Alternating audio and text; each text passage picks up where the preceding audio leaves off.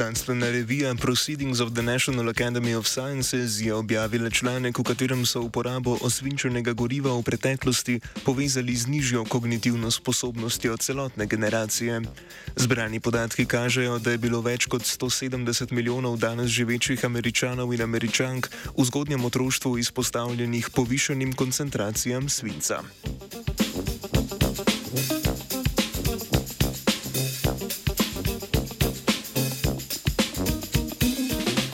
Svinec je težka kovina, ki se je uporabljala kot dodatek gorivu za boljše delovanje motorja. Bil je tudi v barvah in pipah, vse dokler zaradi toksičnih učinkov na živčenje in nedvice njegove uporabe niso strogo omejili. Danes je osvinčeni benzin stvar preteklosti, saj v vseh državah po svetu lahko točimo zgolj neosvinčenega. Svinec iz krvi prehaja v možgane in kosti ter posledično močno vpliva na razvoj otrok, kar se odraža v kognitivnih sposobnostih tudi v odrasli dobi.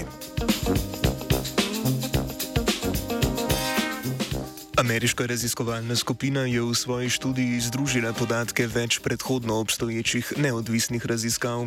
Osredotočili so se na dolgoletno nacionalno študijo, v kateri so od leta 1976 reprezentativnemu vzorcu otrok v starosti od 1 do 5 let merili koncentracijo svinca v krvi.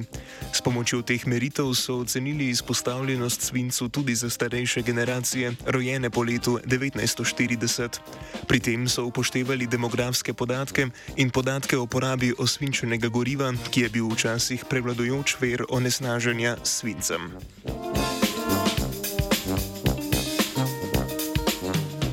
Predhodne raziskave, ki so onesnaženje svincem v različnih državah povezale z upadom inteligenčnega količnika otrok starih med 5 in 10 let, so bile osnova za določanje izgube kognitivnih sposobnosti povezane s svincem na ravni celotne populacije.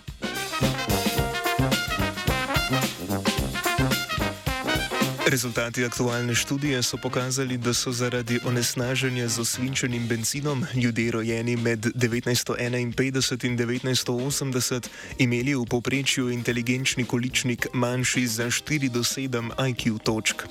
Takšen odklon kaže na pomembno razliko v kognitivnih sposobnostih zaradi izpostavljenosti svincu, kar je najbolj prizadelo otroke iz socialno ogroženih družin. Skupna izguba kognitivnih sposobnosti celotne populacije znaša kar 824 milijonov 97 tisoč 690 IQ točk.